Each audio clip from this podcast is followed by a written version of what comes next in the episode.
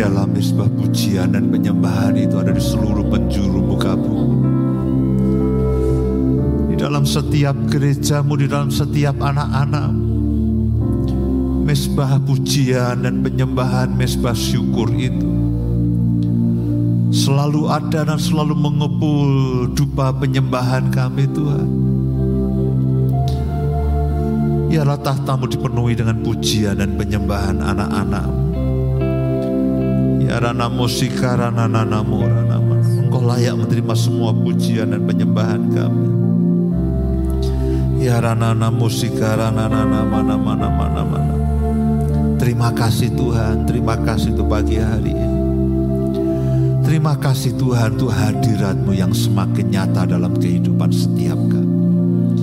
Di mana pun kami berada, di mana pun kami beribadah saat ini, apakah di gedung gereja, maupun di rumah kami masing-masing kami merasakan akan hadirat semua yang menyaksikan, semua yang mengikuti ibadah kami ini Tuhan bersama-sama ini di mana pun mereka berada.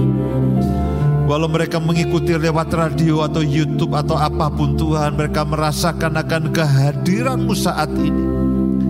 Di dalam setiap ruangan yang kami gunakan, setiap ruangan di mana kami mengikuti akan penyembahan ini hadiratmu nyata. Hadiratmu nyata, hadiratmu nyata ya Tuhan. Wahyukan dirimu Tuhan pada pagi hari ini. Wahyukan firmanmu. Kepada setiap kami anak-anakmu wahyukan kebenaran firman. Karena sepatah kata daripadamu Tuhan itu akan memulihkan, mengubahkan kehidupan kami selama-lamanya.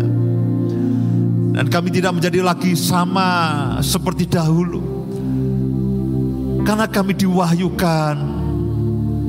Kami mengalami pewahyuan dari firman-Mu, mengalami pewahyuan dari kebenaran-Mu. Kami mengalami penyataan-Mu sendiri Tuhan pada pagi hari ini. Dan hamba berdoa sementara firman-Mu disampaikan, sementara kebenaran firman-Mu disampaikan roh kudus. Bekerjalah dalam kehidupan setiap anak-anakmu di mana pun mereka berada. Beri konfirmasi ilahi yang daripadamu penyataan rohmu dalam kehidupan setiap mereka. Ya rana musika rana nama.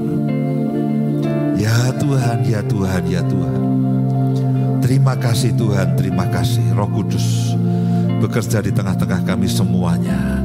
Bekerja, nyatakan kebenaranmu, nyatakan firmanmu dan sementara firmanmu disampaikan Tuhan ada pemulihan, ada terobosan, ada mujizat, ada tanda-tanda heran terjadi dalam kehidupan setiap anak-anakmu. Terima kasih Bapak, terima kasih, terima kasih. Terima kasih. Dalam nama Tuhan Yesus kami berdoa. Amin. Silakan duduk Bapak Ibu dan semua saudara yang ada di gedung gereja pada pagi hari ini. Shalom, selamat pagi Bapak Ibu dan semua saudara, baik saudara yang mengikuti ibadah di gedung gereja maupun lewat YouTube, lewat media sosial yang lainnya dan khususnya yang mengikuti lewat radio karena ada banyak sekali Ya ada banyak sekali radio-radio yang bersama dengan kita pada pagi hari ini. Lebih dari 160 radio yang bersama-sama dengan kita pada pagi hari ini. Dan 90 lebih, hampir 100 itu mereka adalah radio-radio yang ada di luar negeri dari seluruh penjuru muka bumi ini kita bersyukur. Injil harus dikabar baik itu harus disampaikan ke seluruh muka bumi dan menjadi kesaksian. Ada yang dari Afrika, Afrika Amerika, Amerika Selatan, Timur Tengah, Eropa, Australia, Asia bahkan sampai New Zealand dan saya berdoa di mana pun saudara berada pada pagi hari ini, saudara tidak akan terlewatkan, saudara tidak akan ketinggalan untuk menerima akan pewahyuan yang daripada Tuhan, menerima firman Tuhan, menerima kebenaran, dan lebih daripada itu, saudara akan mengalami kenyataan Tuhan dalam kehidupan saudara dan saya semuanya. Tema khotbah saya pada pagi hari ini adalah penyataan Yesus Kristus penyataan Yesus Kristus, mengalami penyataan Tuhan, mengalami penyataan Yesus, bukan hanya sekedar pernyataan. Betul saudaraku, bukan pernyataan, tapi penyataan. Kalau pernyataan itu kan pengumuman, sebuah deklarasi. Tapi kalau penyataan itu punya arti yang berbeda.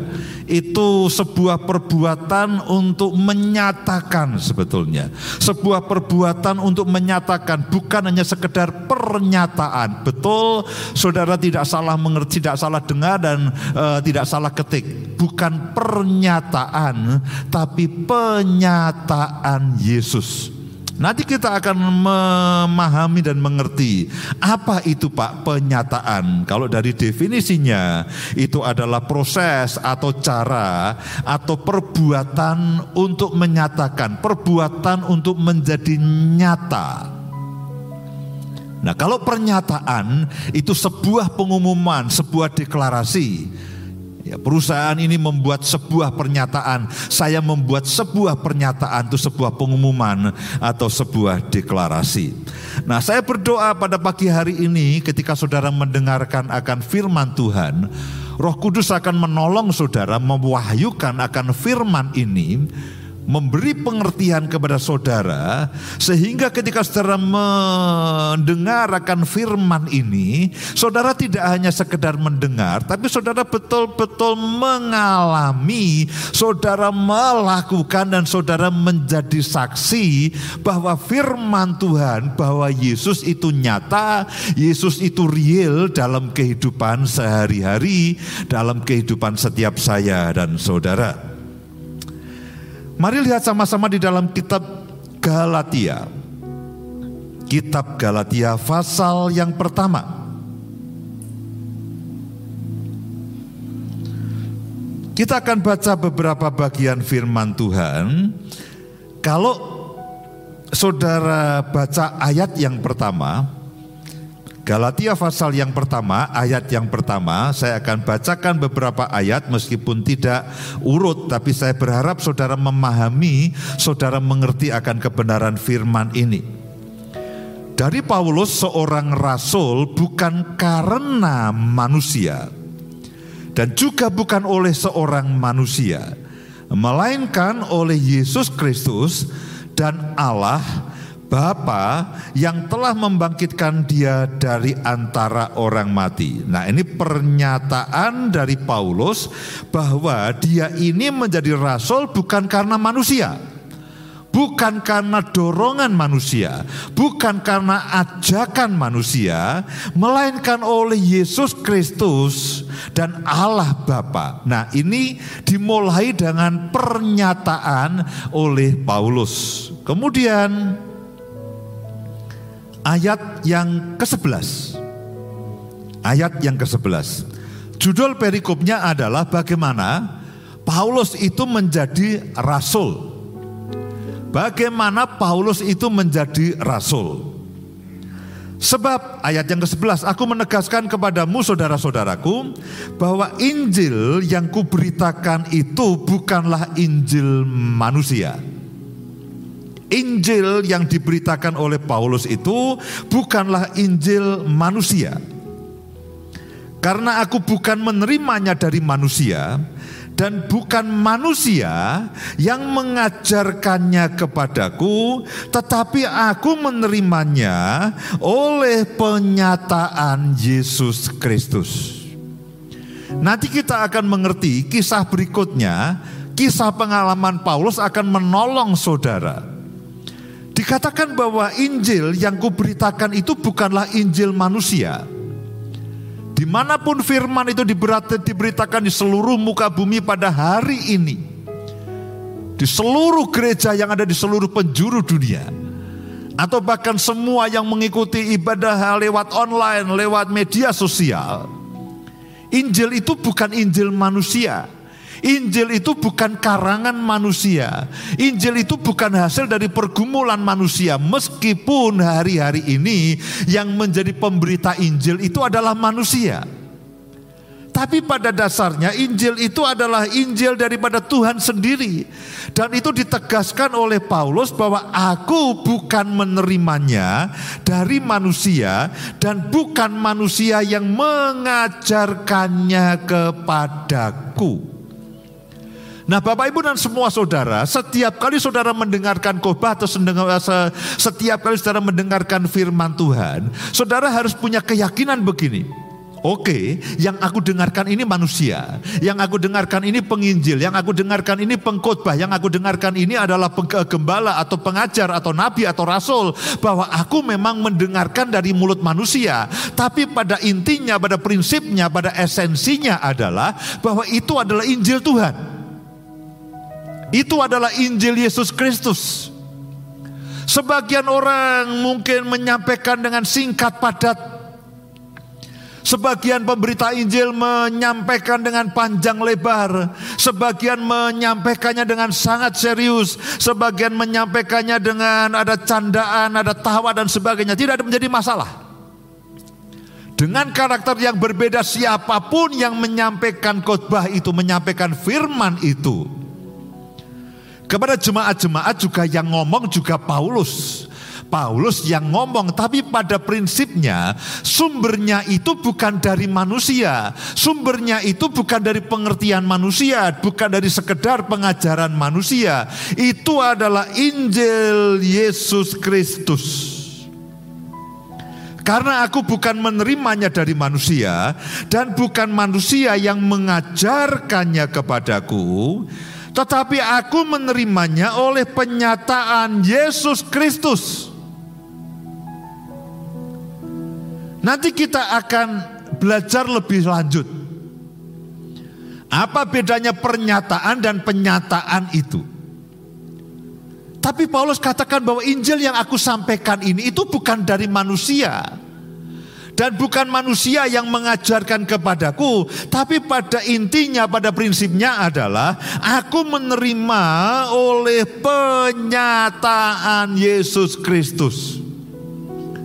Paulus bukan hanya mendengar, Paulus bukan hanya membaca dari kitab Taurat, tapi lebih daripada itu, Yesuslah yang mewahyukan kebenaran-kebenaran itu dalam kehidupannya Lalu kebenaran-kebenaran itu menjadi kenyataan, menjadi realita dalam kehidupannya. Dia mengalami Tuhan, dia mengalami kebenaran firman Tuhan. Berbahagialah setiap orang yang mendengar dan melakukan akan firman Tuhan. Setiap orang yang mendengar dan mengalami dan melakukan akan firman Tuhan itu. Nah, pada pagi hari ini saya berharap saya berdoa Saudara bukan hanya mendengarkan khotbah. Saudara bukan hanya mendengarkan firman yang dibacakan. Ayat-ayat yang dibacakan, Alkitab yang dibacakan. Tapi saya berdoa pada hari ini akan ada titik balik dalam kehidupan saudara.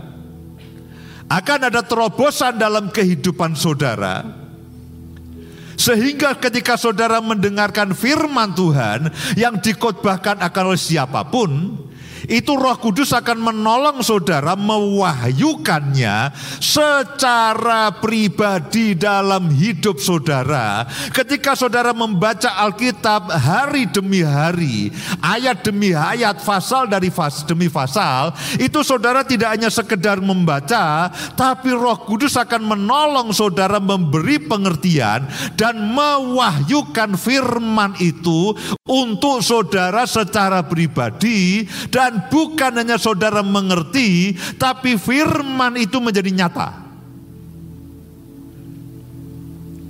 Kalau firman itu berbicara mengenai pemeliharaan Tuhan yang ajaib.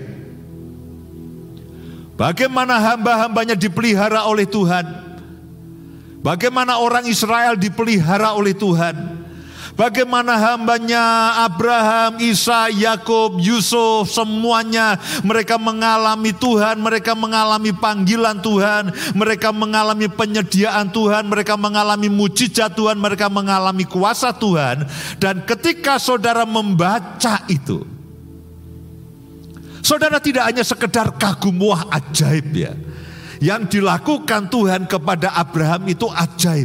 Yang dilakukan Tuhan kepada Yusuf itu ajaib. Yang dilakukan Tuhan kepada bangsa Israel itu ajaib. Saudara bukan hanya ajaib, ajaib, ajaib. Tapi yang penting lebih daripada itu adalah saudara mengalami Apa yang dialami oleh Abraham, apa yang dialami oleh Yakob, apa yang dialami oleh Paulus, apa yang dialami oleh Petrus. Ketika saudara membacanya, Roh Kudus tidak hanya senang lalu, oh kamu sudah membacanya, baguslah. Roh Kudus akan menolong saya dan saudara untuk setiap firman yang saudara baca setiap hari untuk setiap firman Tuhan yang saudara dengar setiap hari. Roh Kudus akan menolong saudara supaya firman itu, kebenaran itu menjadi kenyataan dalam kehidupan saudara dan saya. Itu poin pentingnya. Saudara tidak hanya bertambah pengetahuan saudara tentang firman Tuhan. Pak saya perlu banyak ayat. Buat apa? Buat bantah-bantahan. Kalau diskusi supaya saya menang pak. Bukan. Oh Pak saya mau sekolah Alkitab loh buat apa? Supaya kalau saya sekolah Alkitab saya mengerti teologi Sehingga saya bisa mempertahankan kebenaran. Teman-teman saya itu suka mendebat, teman-teman saya itu suka membantah. Saya mau Pak supaya saya bisa memberi, membuat mereka itu tidak berkutik. Aku mau belajar Alkitab untuk bantah-bantahan, untuk menangkal semua pernyataan-pernyataan yang salah. Oke, ada ada baiknya sih. Tapi bukan itu maksudnya. Alkitab katakan berbahagialah engkau yang mendengarkan firman Tuhan dan melakukannya. Kalau saudara mendengarkan firman Tuhan mengenai kesembuhan, saudara melakukannya. Baik untuk saudara sendiri maupun untuk orang lain. Kalau saudara mendengarkan firman Tuhan mengenai mujizat, saudara melakukannya secara mengalami. Kalau saudara mendengarkan firman Tuhan mengenai pertobatan, saudara mengalami. Nah Paulus ini bukan hanya sekedar begini, dia menjadi rasul karena dia tahu. Dia menjadi rasul karena dia terdorong, termotivasi oleh orang lain. Dia menjadi rasul bukannya sekedar lalu dia wah ini bagus ya, ini pekerjaan yang prospek. Bukan.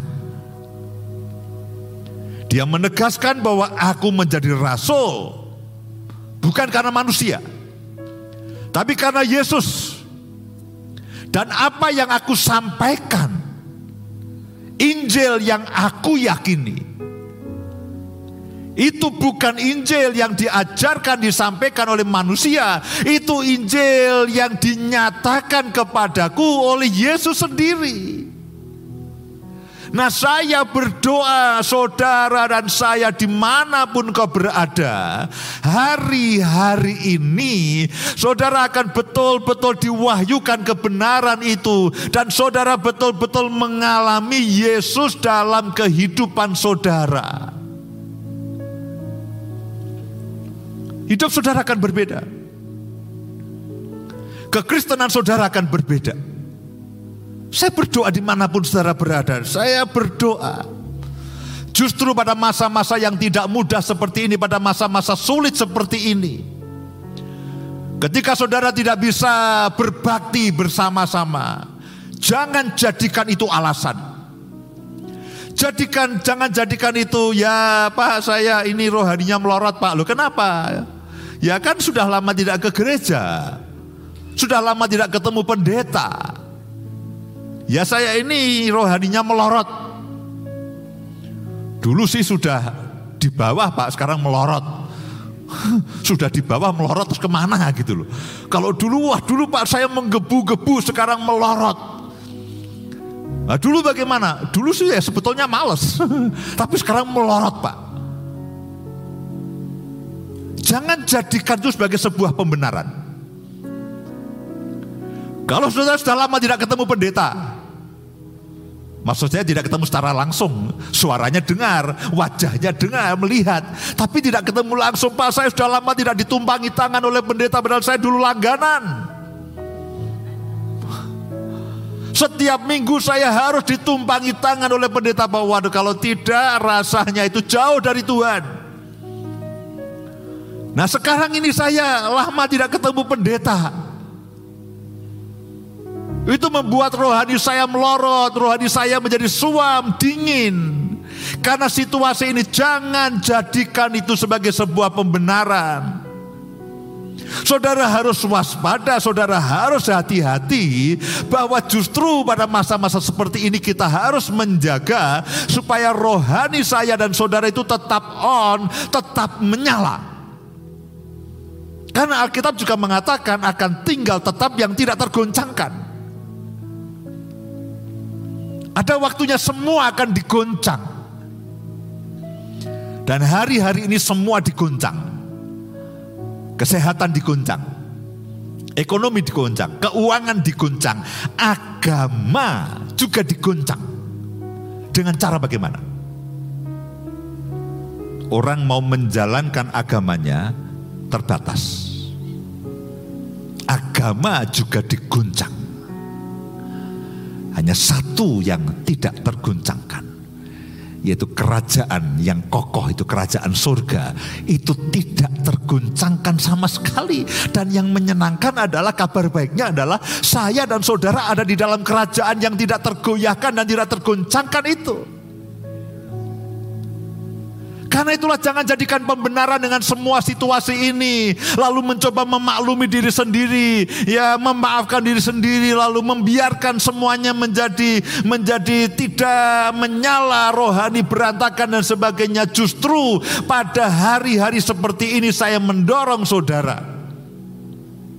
Jangan memaklumi rohani wah rohaniku kok anu nih ya ini rohaniku kok agak menurun ya ya maklum lah nah jangan jangan begitu Di mana pun saudara berada, saudara mendeteksi.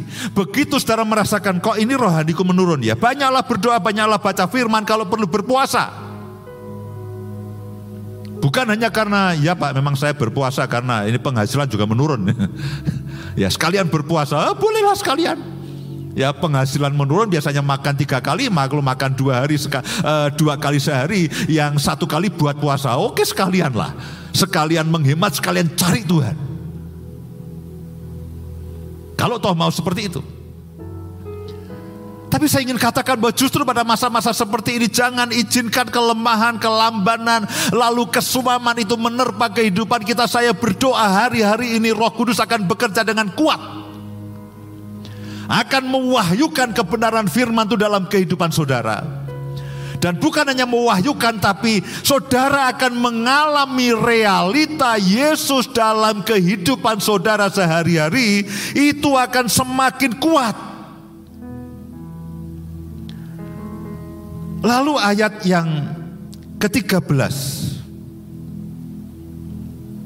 Galatia pasal yang pertama ayat yang ke-13 Kita lanjutkan pembacaan tadi Sebab kamu telah mendengar tentang hidupku dahulu dalam agama Yahudi, tanpa batas aku menganiaya jemaat Allah dan berusaha membinasakannya. Nah, ada satu peristiwa dalam kehidupan Paulus yang akhirnya menjadi titik balik. Nah, saya ingin saudara dan saya membacanya sebentar, kilas balik sebentar, peristiwa apa yang membuat Ya, peristiwa apa yang membuat lalu Paulus itu mengalami titik balik? Mari lihat sama-sama di dalam kisah para rasul pasal yang ke-9. Pada waktu itu Paulus masih bernama Saulus. Dia seorang ahli Taurat, dia seorang Farisi dan dia menolak jalan Tuhan, dia menolak orang-orang percaya, lalu bahkan dia menganiaya orang-orang percaya, termasuk Stefanus dibunuh itu atas persetujuan dia. Kalau saudara baca di dalam kisah para rasul, pasal yang ke-8 dan uh, itu bicara mengenai penganiayaan jemaat uh, di Yerusalem. Dan salah satu tokohnya itu Saulus atau Paulus itu. Nah pada waktu itu dia dalam perjalanan ke Damsik, ayat yang pertama. Supaya saudara mengerti, memahami apa itu penyataan, bukan sekedar pernyataan. Sementara itu berkobar-kobar hati Saulus untuk mengancam dan membunuh murid-murid Tuhan, ia menghadap imam besar dan meminta surat kuasa daripadanya untuk dibawa kepada majelis-majelis Yahudi di Damsik supaya jika ia menemukan laki-laki atau perempuan yang mengikuti jalan Tuhan, ia menangkap mereka dan membawa mereka ke Yerusalem. dalam perjalanannya ke Damsik, ketika ia sudah dekat kota itu, tiba-tiba cahaya memancar dari langit mengelilingi dia. Ia rebah ke tanah, dan kedengaranlah olehnya suatu suara yang berkata kepadanya, Saulus, Saulus, mengapakah engkau menganiaya aku? Jawab Saulus, siapakah engkau Tuhan? Katanya, akulah Yesus yang kau aniaya itu. Tetapi bangunlah dan pergilah ke dalam kota, di sana akan dikatakan kepadamu apa yang harus kau perbuat, dan seterusnya, dan seterusnya, dan seterusnya, dan seterusnya. Ini merupakan titik balik perjumpaan Saulus pada waktu itu namanya masih Saulus, belum Paulus Ketika dia berjumpa dengan Yesus, dia tidak hanya mendengar Yesus dari orang lain. Saudaraku, mungkin saya dan saudara tidak mengalami penglihatan suara yang real seperti yang dialami oleh Saulus. Tidak semua orang mengalami seperti itu. Saya termasuk yang tidak. Lalu ketika malam-malam lalu ada cahaya yang sangat terang dan ada suara yang keras, saya termasuk yang tidak. Saya termasuk yang mendengarkan firman yang disampaikan dan diajarkan oleh para hamba Tuhan. Tapi saudara dan saya harus tahu, Roh Kudus tidak berhenti di situ. Roh Kudus akan terus berhenti dan mewahyukannya kepada saudara, menanamnya dalam kehidupan saudara dan saya, lalu menjadi sebuah kenyataan. Ketika saya mendengarkan firman mengenai keselamatan itu, lalu Roh Kudus terus bekerja, terus berbicara, berbicara, berbicara, berbicara, lalu mendorong saya untuk mengalami keselamatan itu. Lalu saya memutuskan diri untuk menjadi percaya dan dibaptis dari mendengar lalu mengalami. Dari mendengar lalu mengalami. Itulah penyataan. Bukan hanya sekedar mendengar. Oh ya tahu. Aku paham. Ya tahu. Ya sudah tahu saja. Bukan itu target kita. Bukan hanya kalau sekedar saudara membaca, oh saya ini membaca Alkitab hobi pak. Oh, ini bukan masalah hobi. Saya keranjingan membaca Alkitab bagus. Daripada keranjingan baca komik. Itu bagus. Tapi bukan keranjingan itu berhenti lalu cukup. Saudara harus mengalami dan bagaimana kita mengalaminya. Roh Kudus akan menolong saya dan saudara untuk mengalami akan firman itu dari hari ke hari. Dan itulah yang membuat akhirnya Saulus itu berubah total. Dari seorang penganiaya jemaat menjadi orang yang mengalah melayani jemaat dari seorang yang menganiaya Yesus, akhirnya dia menjadi orang yang melayani Yesus. Kenapa? Karena dia mengalami penyataan Yesus Kristus. Nah, kembali kepada Galatia pasal yang pertama tadi. Saya ingin lanjutkan kisahnya supaya saudara makin mengerti dan memahami apa itu penyataan Terakhir kita baca di dalam ayat 13. Sebab kamu telah mendengar tentang hidupku dahulu dalam agama Yahudi tanpa batas aku menganiaya jemaat Allah dan berusaha membinasakannya. Dan di dalam agama Yahudi aku jauh lebih maju dari banyak teman yang sebaya dengan aku di antara bangsaku. Sebagai orang yang sangat rajin memelihara adat istiadat nenek moyangku. Tetapi waktu Yesus tetapi waktu Yesus, saya berharap kata-kata berikutnya ini akan berbicara kepada saudara. Karena ini lalu Paulus bicara mengenai pengalaman hidupnya. Tetapi waktu Yesus yang telah memilih aku sejak kandungan ibuku dan memanggil aku oleh kasih karunia-Nya berkenan menyatakan anaknya di dalam aku berkenan menyatakan anaknya di dalam aku. Saudara akan mengalami Yesus. Saudara bukan hanya sekedar mendengar. Saudara bukan hanya sekedar tahu. Saudara bukan hanya sekedar faham dan pandai berdebat mempertahankan Yesus. Tapi Alkitab mengatakan bahwa berkenan menyatakan anaknya di dalam aku. Sama seperti Paulus mengalami Yesus dalam hidupnya. Saya berdoa Tuhan juga menyatakan Yesus dalam hidup saudara. Tuhan akan menyatakan seluruh kebenaran firman-Nya. Roh Kudus menolong saudara untuk mengerti dan memahami dan menjadikan itu realita, menjadikan itu kenyataan, menjadikan itu pengalaman pribadi dalam kehidupan setiap saudara dan saya. Itulah kekristenan. Itulah poin utama daripada kekristenan, bukannya sekedar agama yang dilakukan menurut perintah manusia, bukan sekedar agama yang dilakukan menurut kebiasaan, bukan sekedar agama yang dilakukan menurut adat istiadat. Tapi kekristenan adalah ketika Yesus itu dinyatakan dalam kehidupan saya dan saudara. Saudara mengalami pertumbuhan rohani, saudara mengalami keselamatan, saudara mengalami buah-buah roh, saudara mengalami karunia-karunia roh, saudara mengalami pemeliharaannya yang ajaib, saudara mengalami mujizat-mujizatnya, saudara mengalami kuasa dan kasihnya sepanjang hidup saya dan saudara. Itulah yang Paulus ingin katakan. Ini bukan teori. Aku tidak mempelajari teori ini dari dari guru-guru agama yang lainnya.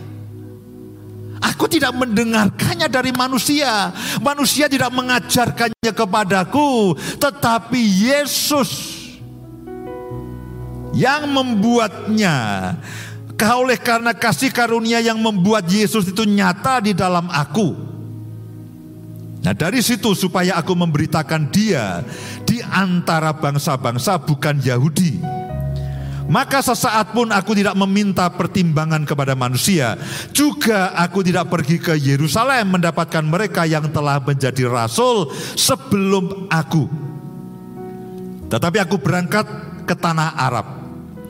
Dan dari situ kembali lagi ke Damsik. Tiga tahun kemudian Aku pergi ke Yerusalem tiga tahun. Dia ada di tanah Arab.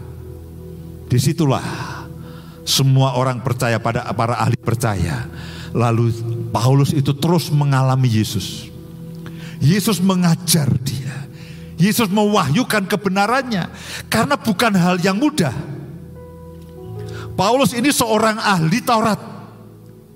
Seorang Farisi dan para ahli Taurat orang Farisi pada waktu itu itu menolak Injil. Menolak Yesus karena yang disampaikan Yesus itu sama sekali bertolak belakang dengan Taurat. Orang-orang Israel menolak Yesus, menolak ajaran Yesus karena berbeda pandangan dengan Taurat yang mereka anut. Paulus bingung. Bagaimana Tuhan? Satu sisi Taurat, sisi yang lain kasih karunia. Satu sisi melakukan, sisi yang lain menerima.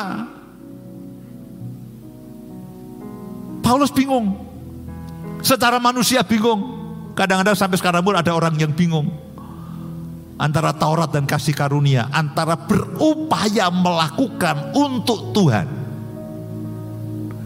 dan melakukan oleh Tuhan. Itu beda jauh. Antara mencoba memenuhi syarat upaya manusia untuk meraih keselamatan itu, memenuhi syarat atau kita ini dibenarkan oleh kasih karunia dan oleh kemurahan Tuhan sehingga kita ini oleh kasih karunia, oleh karena kemurahan, oleh anugerahnya kita memenuhi syarat. berupaya berbuat baik untuk selamat. Itulah Taurat. Atau menerima keselamatan oleh karena anugerah dan kasih karunia. Nah, Paulus ada di dua sisi itu antara Taurat dan kasih karunia karena itulah tiga tahun Yesus itu mewahyukan kebenaran. Lalu bagaimana mempraktekannya? Karena itu kalau ada orang yang ribut soal Taurat dan kasih karunia. Pak, lalu bagaimana saya harus mempraktekannya? Bacalah kitab-kitab Paulus. Paulus tahu mana imbangannya. Paulus tahu persis karena pada banyak orang yang me, me, menjadikan Taurat di sisi yang lain, ini kan di sisi yang lain lalu membuatnya bertentangan. Paulus tidak membuatnya bertentangan. Karena itu kalau ada orang tanya pada saya, Pak bagaimana caranya saya bingung ini, ajaran mana saya harus ikuti. Percaya kepada Yesus, lalu prakteknya bacalah surat Paulus. Karena dia ahli Taurat, lalu ketemu dengan Yesus yang penuh dengan kasih karunia. Prakteknya seperti apa? Kalau saudara ingin praktek kekristenan, bacalah surat-surat Paulus. Tentu yang lainnya harus dibaca. Tapi kalau bicara mengenai praktek, nah Paulus itu lalu mengajar pada jemaat, oh begini loh prakteknya, rasa bingung. Jangan bingung dan jangan pusing. Perjanjian lama dan perjanjian baru, jangan bingung. Lalu Paulus menulis surat-suratnya kepada jemaat-jemaat. Nah kembali kepada penyataan Yesus. Paulus itu mendapatkan penyataan Yesus dan sejak itu dia mengalami Yesus itu dalam kehidupan sehari-hari. Ini yang saya doakan sehingga saya dan saudara itu setiap hari itu mengalami kenyataan daripada Yesus itu sendiri. Bukan hanya sekedar tahu tentang Yesus. Baik, kalau kita tahu tentang Yesus itu bagus. Kalau kita faham tentang Yesus itu bagus. Kalau begitu kita punya pertanyaan, Pak, kalau begitu sebetulnya penyataan Yesus itu apa sih? Supaya saya faham. Penyataan Yesus itu apa? Yang pertama, penyataan Yesus itu adalah inisiatif Tuhan sendiri. Kalau saudara baca di dalam Galatia pasal pertama ayat yang ke-15. Paulus sama sekali tidak ngeh. Dia katakan begini. Tetapi pada waktu ia yang telah memilih aku sejak kandungan ibuku dan memanggil aku oleh karena kasih karunia-Nya. Yang pertama, orang yang mengalami Yesus itu bukan karena manusia mencari. Kitalah yang ditemukan oleh Yesus. Bukan karena kita mencari Yesus. Tapi Yesuslah yang menemukan kita. Dialah yang berinisiatif untuk datang kepada saya dan saudara.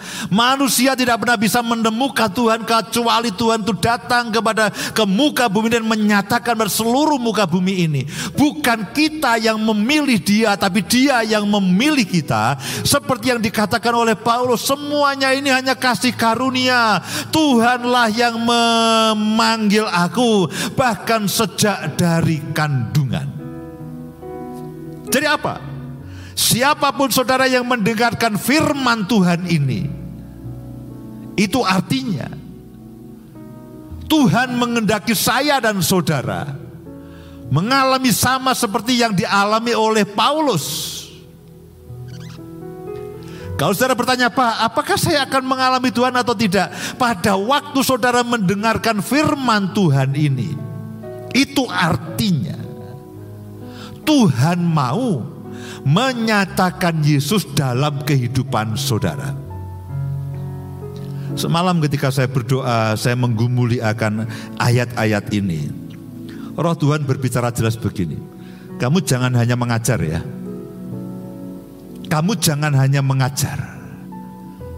Tapi aku singkapkan akan ayat ini dengan tujuan siapa pun yang mengikuti ibadah, siapa pun yang mendengarkan di mana pun mereka berada, ribuan bahkan puluhan ribu orang yang mendengarkan lewat radio, supaya mereka itu mengalami. Bukan sekedar mendengar tapi mereka itu mengalami kenyataan Yesus dalam kehidupan mereka itu sebetulnya pesan utama yang Tuhan ingin sampaikan kepada saudara bahwa saya menerangkan iya. Saya berdoa Roh Kudus memberi saudara pengertian iya. Tapi sebetulnya pesan paling kuat yang semalam saya dapatkan daripada Tuhan adalah aku mau supaya setiap anak-anakku itu mengalami seperti yang dialami oleh Paulus. Itu bukan sekedar Injil yang diwartakan manusia. Itu bukan sekedar kabar baik yang diwartakan oleh manusia. Tapi lebih daripada itu aku ingin kata Tuhan supaya siapa pun yang mendengarnya mereka mengalami Saudara mengalami kasih Tuhan setiap hari. Saudara mengalami pemeliharaan Tuhan setiap hari. Saudara mengalami perlindungan setiap hari. Setiap ayat yang saudara baca itu bukannya sekedar ayat bagus dan ayat hafalan, tapi setiap ayat yang saudara baca itu akan menjadi kenyataan dalam kehidupan saudara. Itulah yang Tuhan mau. Itulah yang Tuhan mau supaya saya meyakinkan kepada saudara dan bukan saya yang meyakinkan. Saya berdoa roh Tuhan, roh kudus yang akan meyakinkan saudara dan menanam dalam kehidupan saudara. Mewahyukan dalam kehidupan saudara. Sehingga benih-benih firman itu akan bertumbuh dan berbuah. Ada yang 30, ada yang 60, ada yang 100 kali lipat dalam kehidupan saudara dan saya. Sekali lagi, Tujuan dari firman ini disingkapkan kepada saudara satu. Hanya satu. Saudara dan saya mengalami. Penyataan Yesus dalam kehidupan kita yang kedua adalah itulah perkenanan dari kebaikan Tuhan, perkenanan kasih setia dan kebaikan Tuhan. Saulus ini berikhtiar akan menganiaya dan bahkan membunuh jemaat Tuhan. Dia bermaksud jahat terhadap jemaat Tuhan. Dia punya surat kuasa penuh untuk menahan, menganiaya, bahkan memenjarakan mereka di tengah jalan. Tuhan menjumpai Saulus. Bukankah itu kebaikan Tuhan? Bukankah itu kemurahan Tuhan? Bukankah itu perkenanan Tuhan? Kalau yang pertama adalah inisiatif daripada Tuhan, yang kedua ini perkenanan dan kebaikan Tuhan dan pagi hari ini Tuhan ingin menyatakan kembali kepada setiap saudara dan saya, anak-anakku, aku mau seperti yang aku lakukan kepada Saulus, aku akan lakukan kepadamu bahwa aku sudah memanggil engkau sejak dari kandungan, aku sudah menetapkan engkau sejak dari kandungan. Bukan kamu memenuhi syarat, bukan kamu cukup baik, bukan kamu cukup soleh, bukan kamu cukup apa namanya cukup kudus. Cukup kudus itu sebetulnya sama saja tidak kudus, saudaraku. Hampir kudus.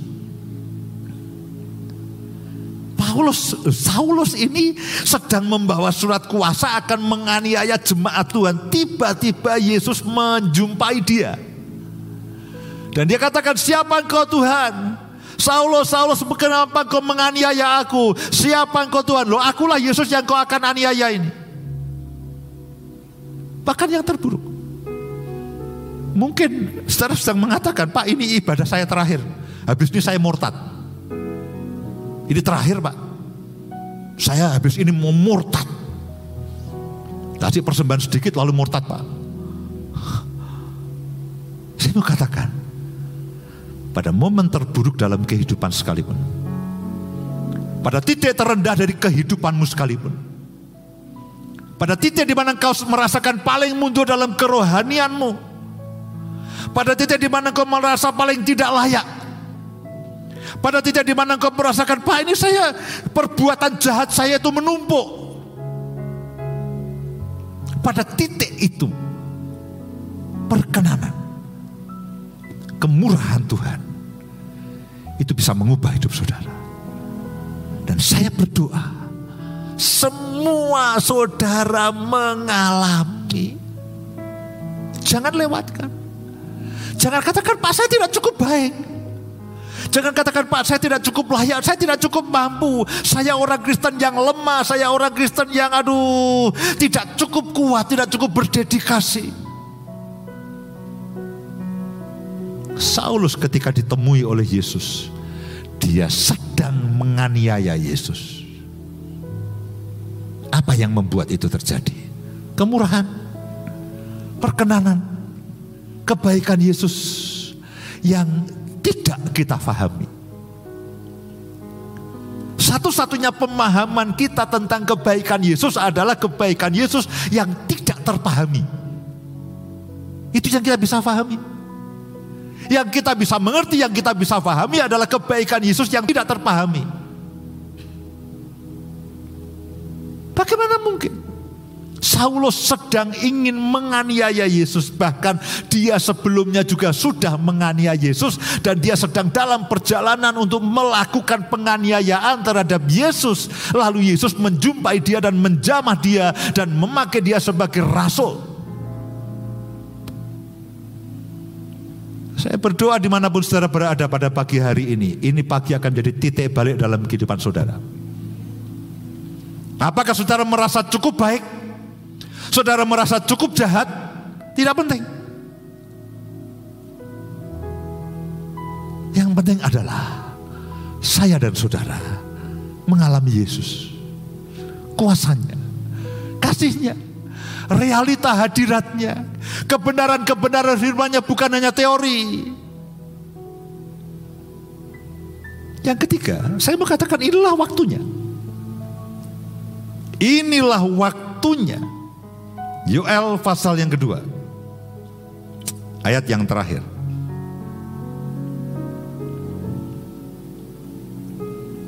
Kitab Yoel pasal yang kedua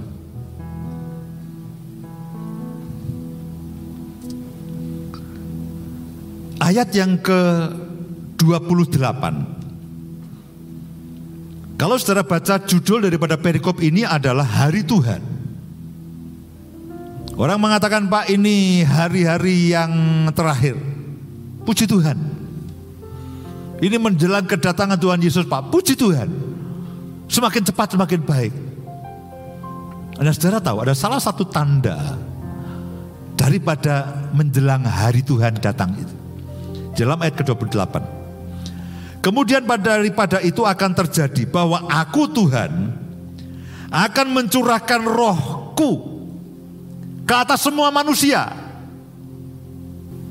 Ke atas semua manusia. Tuhan kembali akan mencurahkan. Kalau pada Pentakosta eh, yang pertama, yang dulu, yang pertama dikatakan bahwa dia mencurahkan rohnya kepada murid-muridnya. Ketika mereka menunggu di loteng Yerusalem dalam kisah Rasul pasal pertama, pasal pertama, pasal yang kedua. Itu roh kudus dicurahkan kepada murid-muridnya, orang-orang yang menantikan dunia. Nah, menantikan Tuhan. Dan pada hari-hari terakhir ini, roh kudus akan dicurahkan ke atas semua manusia.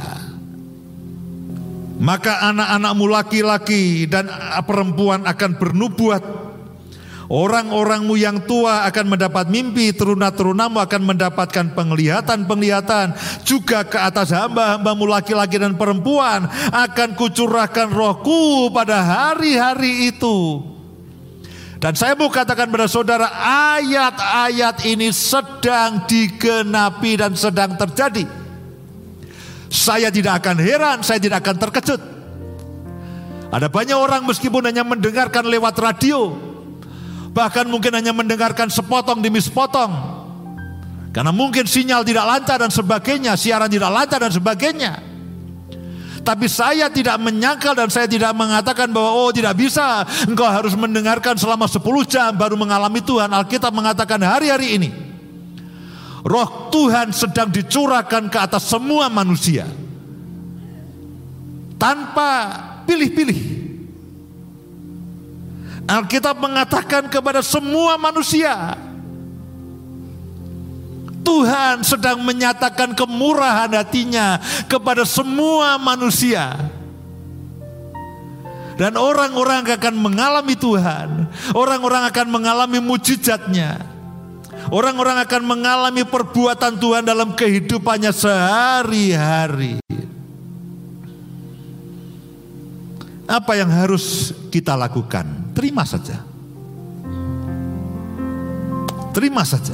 Alkitab mengatakan pada hari ini, jika kamu mendengarkan suaranya, janganlah apa?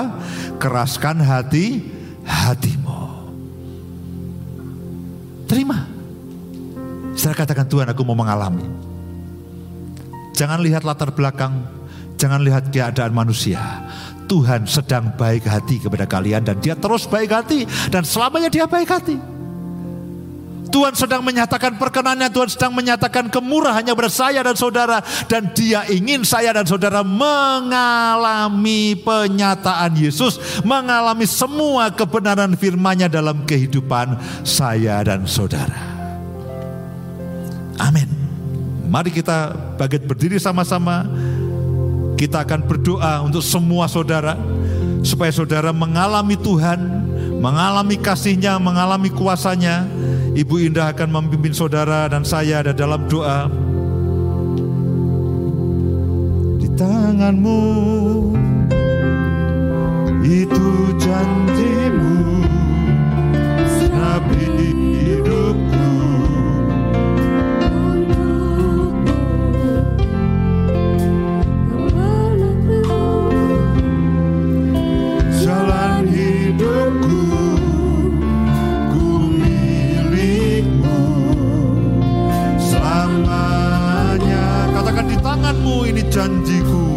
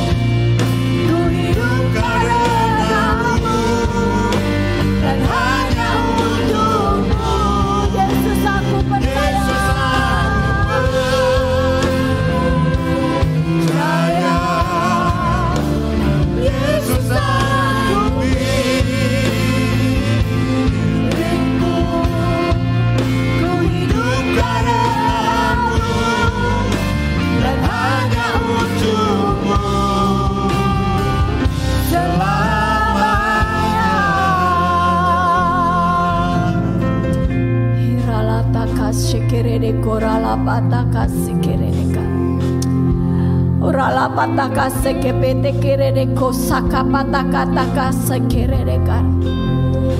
Saya ingatkan satu ayat firman Tuhan di dalam Filipi 3 ayat yang ke-10. Paulus berkata, yang ku ingini yang ku kehendaki ialah mengenal dia dan kuasa kebangkitannya. Saudara, biarlah dalam kehidupan kita kita mengingini terus menerus mengingini keajaiban Yesus sepenuhnya dan mengalami kuasa kebangkitan Tuhan. Dan Tuhan katakan engkau setiap yang mengingini setiap yang merindukannya engkau akan mengalami kuasa kebangkitan Tuhan. Kuasa yang sudah membangkitkan Yesus dari kematian. Itu juga yang akan bekerja di dalam setiap kehidupan kita. Di mana pun engkau berada, apa pun yang sedang kau alami. Atau yang sedang mengalami kelemahan di dalam tubuhmu. Bahkan engkau yang Horalata kasekepede kayak engkau yang lumpuh. Engkau yang mengalami kelumpuhan. Dan pagi hari ini kau mendengarkan akan firman Tuhan. Tuhan katakan, angkat tanganmu kepada Tuhan. Dan katakan, Tuhan aku terima kuasa kebangkitan yang daripada engkau. Yang sudah membangkitkan Yesus dari kematian. Sekarang membangkitkan hidupku. Membangkitkan, menyembuhkan aku dari setiap kelumpuhanku. Dari setiap sakit penyakit yang sedang aku derita. Di mana pun engkau berada. Engkau yang mengalami migran, vertigo, hiralataka pataka, sikepitikataka, oralataka, dukuriniko seke. Pegang di belakang kepalamu katakan di dalam nama Tuhan Yesus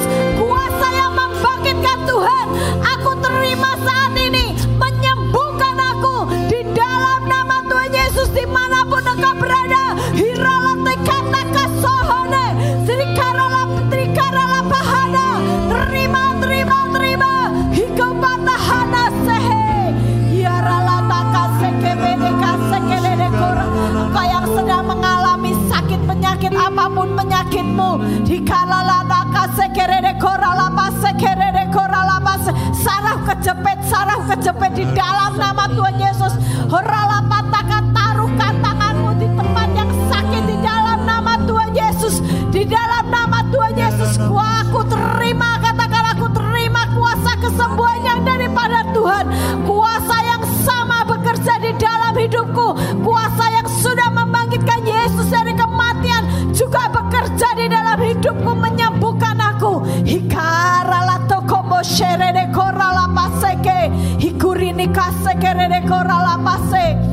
yang mengalami akan hari-hari ini keletihan, kelesuan secara rohani.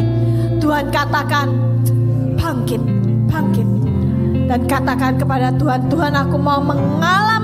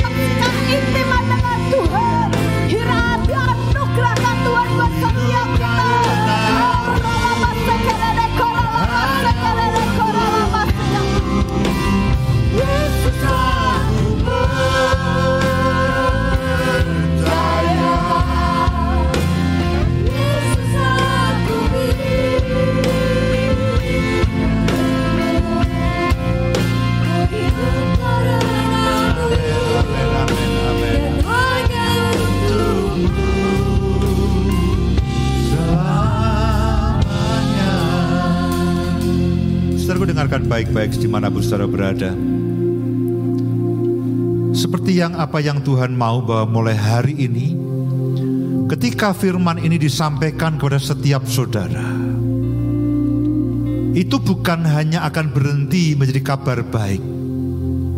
Setiap firman mulai pagi hari ini, ketika saudara membaca Alkitab, saya menganjurkan saudara membaca firman Tuhan banyak-banyak, baca, renungkan, deklarasikan.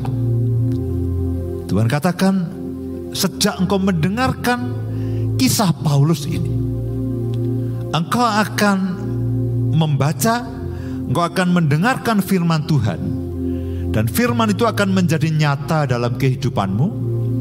Firman itu akan menjadi kesaksian dalam kehidupanmu. Roh Kudus akan menolong saudara dan saya untuk mengerti dan untuk memahami dan untuk membuat itu menjadi nyata. Seperti dia menolong Paulus sehingga firman Yesus itu menjadi nyata dalam kehidupannya. Hamba berdoa untuk setiap anak-anakmu yang mendengarkan akan firmanmu ini. Roh Kudus tolong mereka. Tolong mereka untuk mereka memahami, mereka mengerti, dan mereka mengalami akan kenyataan realita daripada firman Tuhan ini. Terima kasih Tuhan. Dalam nama Tuhan Yesus kami berdoa. Amin. Sergu kita akan memberikan persembahan saya mendorong saudara memberikan secara online, saudara memberikan lewat digital payment, saudara bisa memberikan lewat online banking, saudara memberikan lewat semua internet banking yang ada. Bagi Bapak Ibu yang mengikuti lewat radio, saya akan bacakan uh, rekening yang kita pakai. Itu uh, eh, BCA ya. BCA ada dua rekening. Satu BCA satu uh, Jim, tapi saya akan bacakan yang uh, BCA 017 121 7007. Itu kalau saudara ingin memberikan persembahan dengan rekening BCA. Kalau saudara ingin memberikan uh, lewat CIMB, itu nomornya adalah 8000 7752 1000. Semua atas nama GKKD Glory of God atau Gereja Kristen Kemah Daud. Mari sekali lagi saya ajak semua berdoa sebelum kita siapkan hati supaya setiap kali kita membawa persembahan itu betul-betul dengan penuh sukacita, dengan penuh pengertian. Kami mau bawa persembahan kami kepadamu Tuhan pada pagi hari ini. Dan setiap kali kami membawa persembahan, Roh Kudus tolong kami Berapa banyak yang harus kami harus bawa sebagai korban kepadamu. Kami bersyukur untuk setiap berkat yang kau berikan dalam kehidupan kami. Kami bawa semua korban syukur kami. Kami bawa perpuluhan kami. Kami mau bawa persembahan kami. Kami mau bawa persembahan misi, kami mau bawa persembahan untuk saling sembilan satu untuk diakonia dengan hati yang penuh dengan sukacita, dengan hati yang penuh dengan kerelaan dan hati yang penuh dengan ucapan syukur. Inilah penyembahan kami. Inilah syukur kami kepadamu. Terima kasih Bapa dalam nama Tuhan Yesus kami berdoa. Amin. Sekali lagi saudara bisa saksikan di layar saudara itu semua cara memberikan persembahan lewat digital payment atau lewat online banking atau lewat internet banking. Baik Bapak Ibu dan semua saudara, saya rasa tidak ada pengumuman yang lainnya. Sekali lagi, mari saya ajak semuanya bangkit berdiri bersama-sama. Di mana pun saudara berada, angkat kedua tanganmu dan terimalah berkat Tuhan. Terimalah berkat Tuhan. Sekali lagi Tuhan hamba berdoa untuk setiap anak-anakmu biar firmanmu pada pagi hari ini itu menjadi nyata. Setiap anak-anakmu akan mengalami realita kenyataan dari firmanmu dan realita dan kenyataan dari Yesus sendiri dalam kehidupan mereka semuanya. Firman kabar baik itu akan mereka dengar dan akan menjadi kesaksian karena mereka mengalami berkati semua anak-anakmu dengan semua yang baik yang daripadamu. Perlindunganmu sempurna sehingga tidak ada yang mencelakakan akan kehidupan kami. Terima kasih Tuhan di dalam nama Tuhan Yesus kami mengucap syukur, kami berdoa. Amin, amin, amin. Tuhan memberkati.